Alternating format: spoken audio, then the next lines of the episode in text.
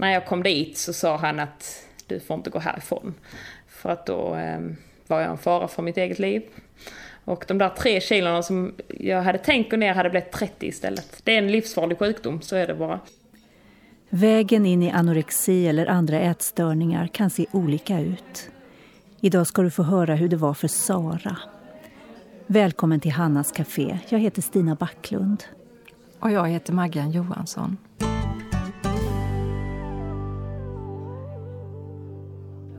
Maggan, idag har vi inte tid att prata så mycket innan vi släpper in Sara. Nej, du vet intervjuerna blir ju allt längre eh, för varje gång. Jag tycker det är fantastiskt att så många har velat dela med sig av sina oerhört värdefulla berättelser. Och idag har Sara något viktigt att säga till dig som antingen är medveten om att du har en ätstörning eller som kanske kämpar med tankar om att försöka undvika att äta. Nu lyssnar vi först till alltid mer med Kristina.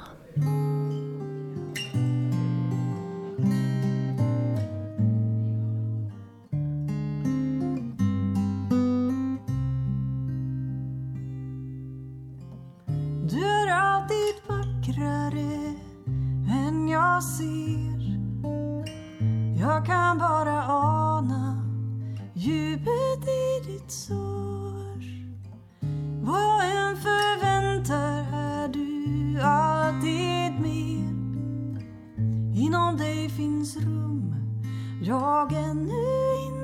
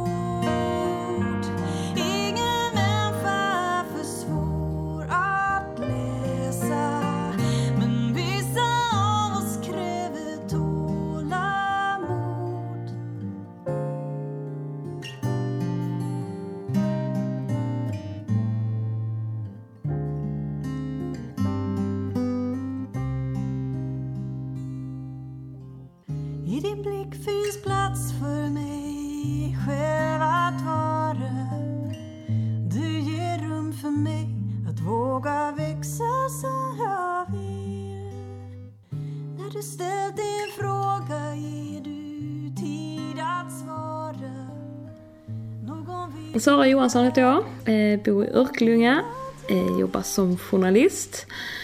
Jag eh, har haft anorexia, det varade ungefär i 5-6 år. Ätstörning är något som är väldigt svårt att klara ut på egen hand. Nästan alla känner någon som har drabbats. Därför vill Sara berätta för dig som själv kämpar eller har ett syskon, en kompis eller någon annan i närheten som har råkat ut för detta? Ja, men jag vill att folk ska kunna veta ungefär, för det har man inte ätstörning själv så har man någon i sin närhet som har ätstörning. Nästan alla i, alltså ungdomar idag har det. Och att om jag kan liksom säga, ge någonting, något tips till hur man ska vara eller att folk kanske, eller någon ungdom sitter i eh, i församlingen och tänker att oj då, jaha, jag kanske är på väg dit, men att då ta tag i det eller ja, men bara vill berätta liksom att så här kan det vara. Men ändå också säga att men det behöver inte vara exakt så här. Men vill få folk att inte låta det gå så långt på något sätt. För det är så mycket som, eh, ja, det är mycket, ju, längre, ju snabbare man eh, vänder på det eller tar tag i det, desto lättare är det att bli frisk. Sara älskar att idrotta. Det har hon gjort så länge hon kan minnas. Men när hon drabbades av ätstörningar var det inte riktigt lika roligt längre. Inom idrottens värld är man målinriktad och vill nå så goda resultat som möjligt. Många känner sig pressade att hålla kvar sin låga vikt eller att gå ner i vikt. Man följer strikta dietprogram och är disciplinerad. För en del kan det trigga igång en ätstörning. Men Sara tror inte att det var orsaken till att hon började banta. För henne var bara idrotten och hennes målinriktade karaktär ett hjälpmedel för att gå ner i vikt. Eh, det började när jag gick på gymnasiet. I eh, ja, tvåan, trean började det lite. Eh, och jag var en sån som folk absolut inte trodde skulle få någon sorts ätstörningar. För jag var väldigt... Jag idrottade mycket, brydde mig inte riktigt hur jag såg ut och åt vad jag ville och så. Men eh, så kom jag på att jag skulle gå ner tre kilo åt jag frukt bara en vecka och så lyckades jag gå ner några kilo. Och då är jag en sån tävlingsmänniska. Så att när jag märkte att jag kunde gå ner tre kilo så skulle jag se hur långt jag kunde gå helt enkelt. Det gick lätt. Sara stålsatte sig själv och började äta mycket mindre. Till sist så tog det över eh, ens tankar och ens eh, ja, kontrollen liksom. Så man hade, inte, man hade inte kontroll över det själv utan eh, på något sätt så tog hjärnan över.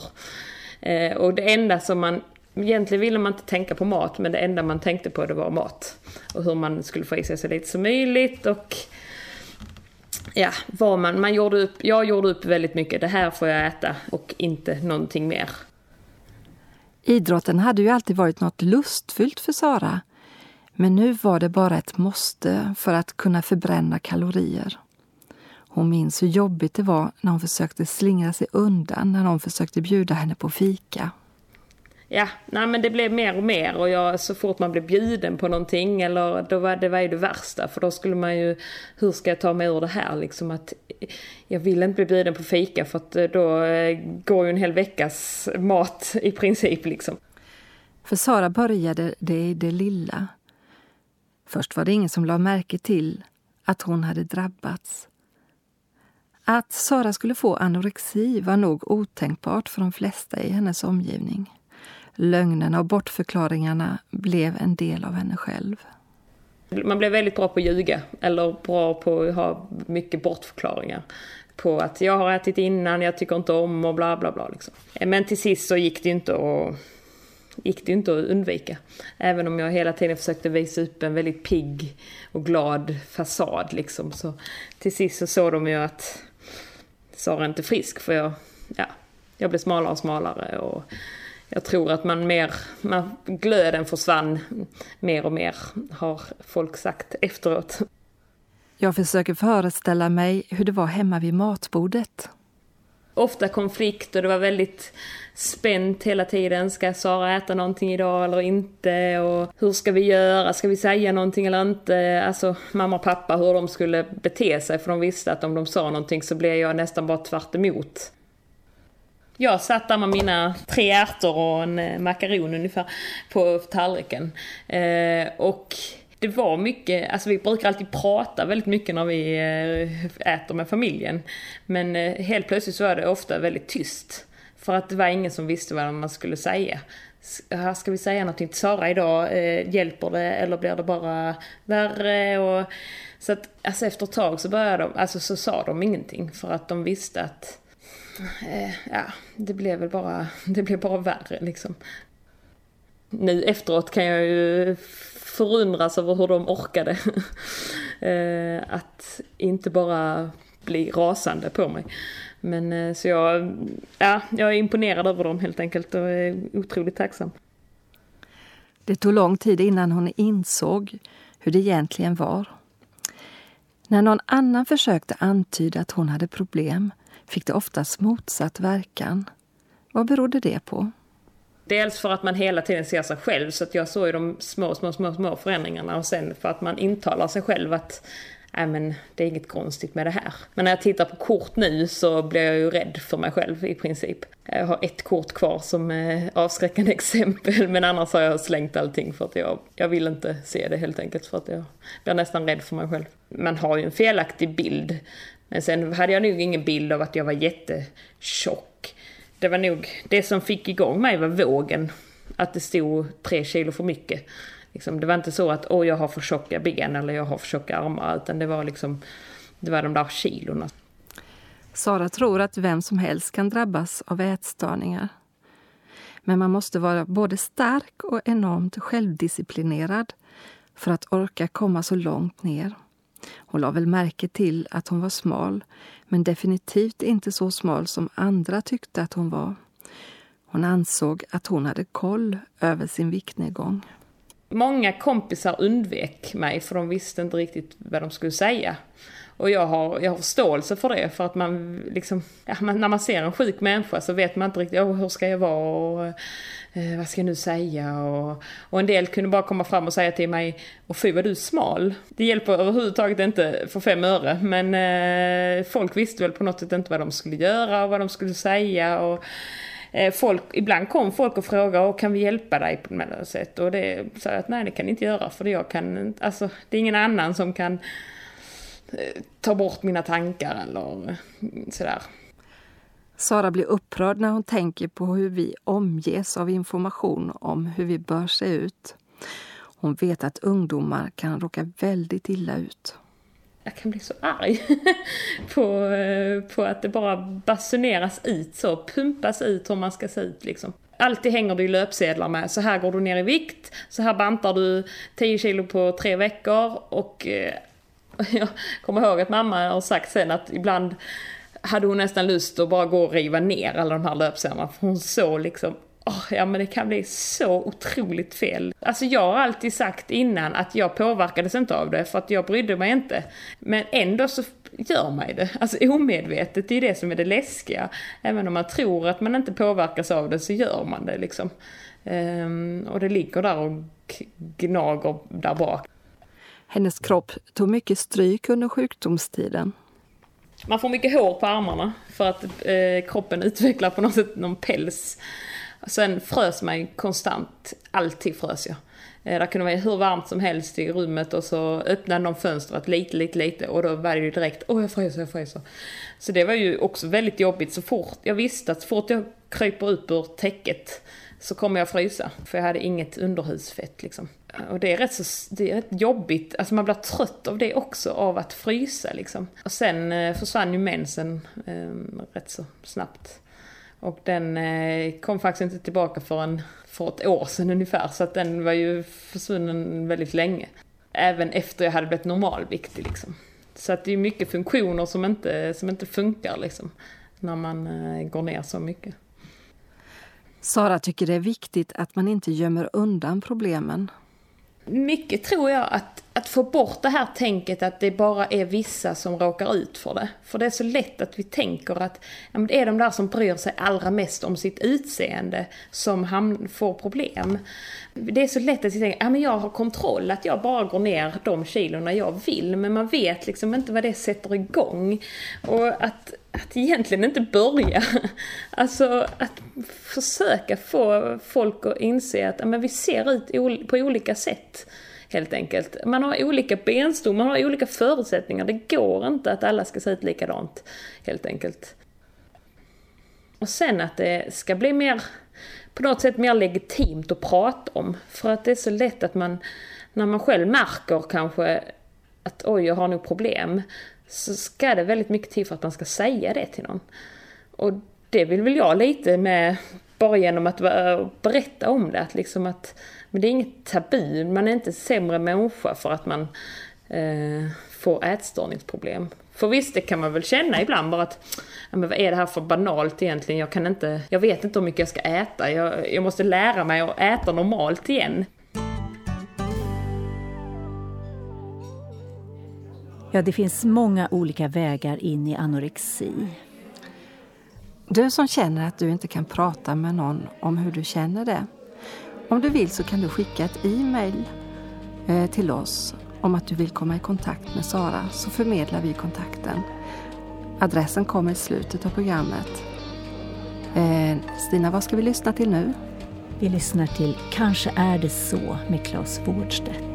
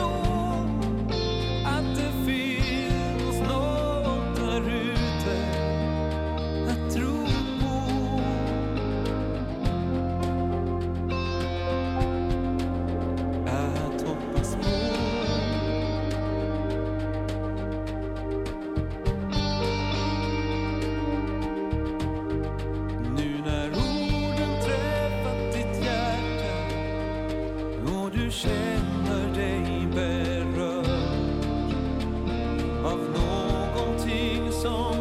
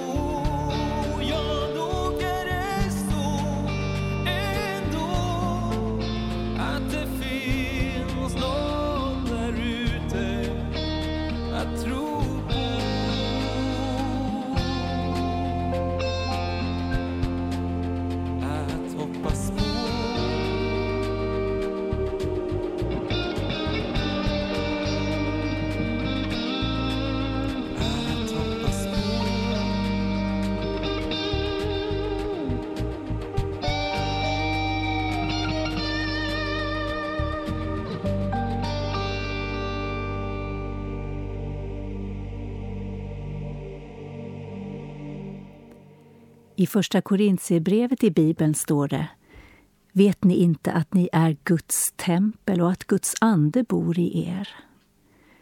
Ofta när det står talas om kroppen i Bibeln menas det den kristna gemenskapen där Jesus är Herre. När du kämpar med din sjukdom behöver du inte vara ensam. Jesus är på din sida och dina vänner, din familj och andra professionella människor är till för dig. I ett annat kapitel i samma brev står det att var och en är en lem i gemenskapen. Om en lem lider så lider alla lemmarna med den. Sara hade fått hjälp från dietister och ätstörningsteam men det var omöjligt för henne att ta emot hjälpen som erbjöds. Under en period pluggade hon i Uppsala men så småningom flyttade hon till Lund. Efter många övertalningsförsök gick hon med på att söka hjälp på Sankt Lars sjukhus. Där träffade hon en läkare. När jag kom dit så sa han att du får inte gå härifrån. För att då eh, var jag en fara för mitt eget liv. Och de där tre kilona som jag hade tänkt gå ner hade blivit 30 istället. Det är en livsfarlig sjukdom, så är det bara. Jag kunde dött. De, de kopplade in grejer på hjärtat och det slog ju ungefär hälften så mycket vad det skulle göra. Så. Men det konstiga var att min kropp var så, jag, hade nog så, jag var så vältränad innan. Så på något sätt så, jag hade cyklat till sjukhuset, det var det som var det bisarra. För helt plötsligt så sa de, sitt på en stol, rör dig inte. Och jag bara, men eh, ja, min cykel står ju här utanför. Och de bara, har du cyklat hit? Så, så att på något sätt så min all adrenalin gjorde att jag orkade mycket mer än vad jag egentligen borde ha kunnat göra. Sara blev inlagd på sjukhuset. Hon hamnade på en allmänpsykiatrisk avdelning och var livrädd. Under sin vistelse ändrades hennes syn på psykiskt sjuka människor. Idag bär hon med sig det som en positiv erfarenhet. Första kvällen på sjukhuset slog hon upp sin bibel på måfå. Och det fantastiska var att jag hade läst första kvällen jag var, kom in, så slog jag ut min bibel. slog jag upp Jona. Och då stod det om eh, att Jona var instängd i fiskens buk, men du Gud hjälpte mig ut. Jag liksom, jag eh, tog med mig det till mitt liv, att ja men nu var jag instängd, jag var faktiskt på en låst avdelning och jag var instängd i min sjukdom på något sätt. Men så kände jag bara att ja men Gud kommer hjälpa mig ut liksom. Eh, sån här eh, tumgreppsbibelord liksom. Och det var verkligen så. Han eh, helade mig där på bara eh, på en dag liksom. Eh, att alla tankarna, sen var det ju ett, en process att, att gå upp, men jag hade inga, fick ingen ångest överhuvudtaget för att eh, kilorna lades på och att jag gick upp liksom. Jag var bara så beslutsam att nej, nej, så all den tävlingsmänniskan som jag hade använt för att gå ner använde jag eh, för att gå upp också på något sätt det var som att vända på en femöring och mina föräldrar fattade ingenting och de på sjukhuset fattade ingenting. Och, och jag fick vara ett, jag berättade för dem på sjukhuset att jag, jag tror att det är Gud som har liksom, som har helat mig och som har eh, svarat på alla tusentals böner. Eh, och de bara jaha, så. Så att det kände jag också att det fick bli på något sätt ett vittnesbörd.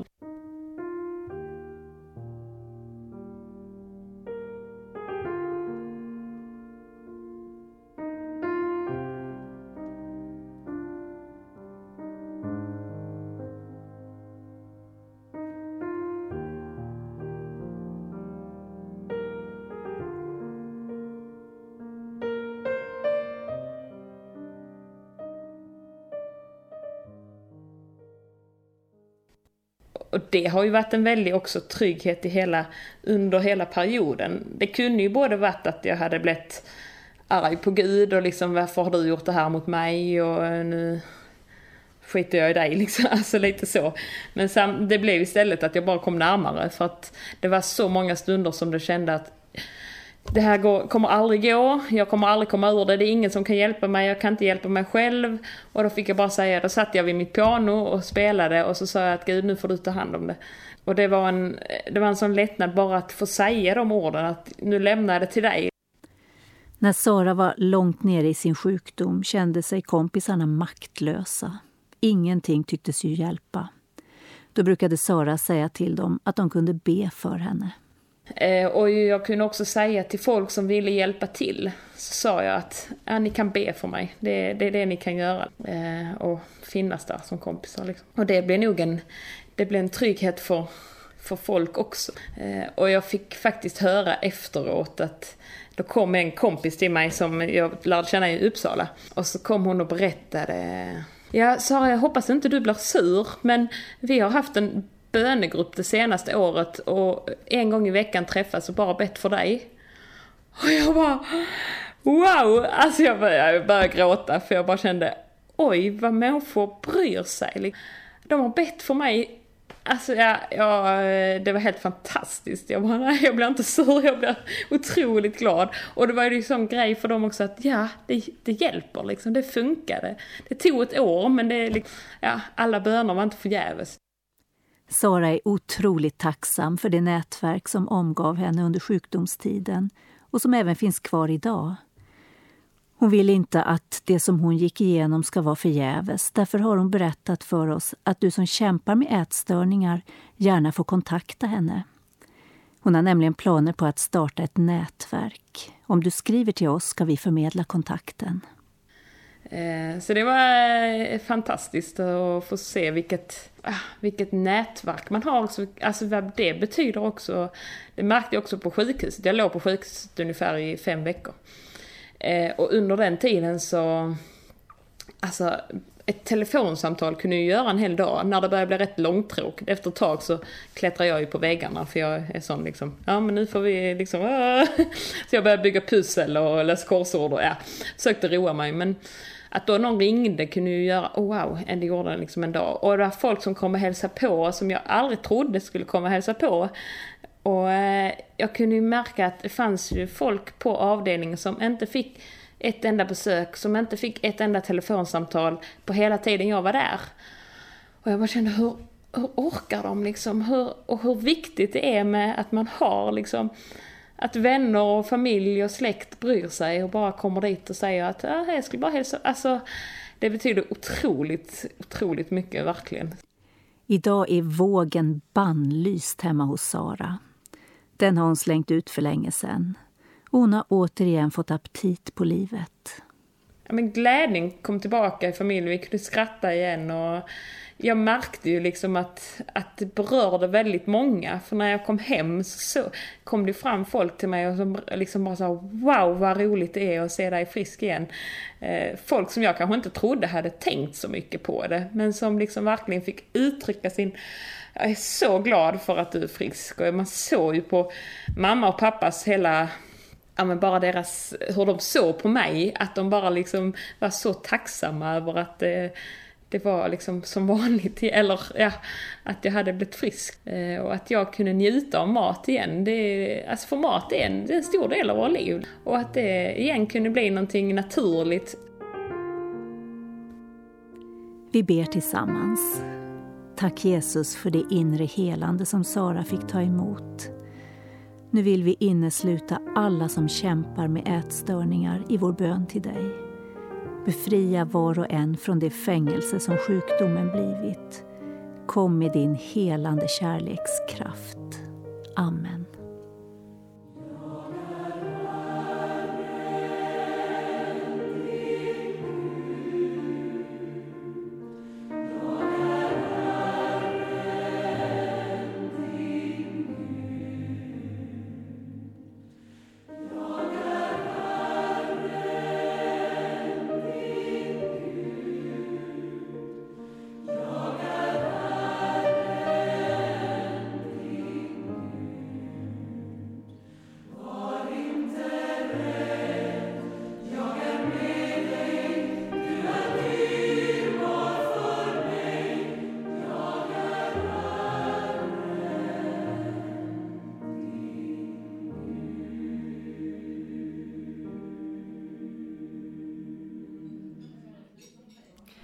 Det var Lutherska Missionskyrkans kör som sjöng Jag är Herren din Gud. Programmet har handlat om ätstörningar. Om du känner dig orolig för dig själv eller för någon i din omgivning så dra dig då inte för att kontakta oss via e-mail så ska vi förmedla kontakten till Sara. Adressen kommer snart. Var rädd om dig.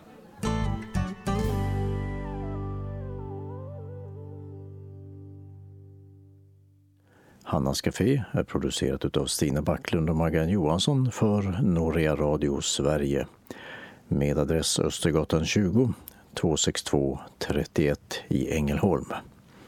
Mailadress ph och webbadress www.hannascafé.se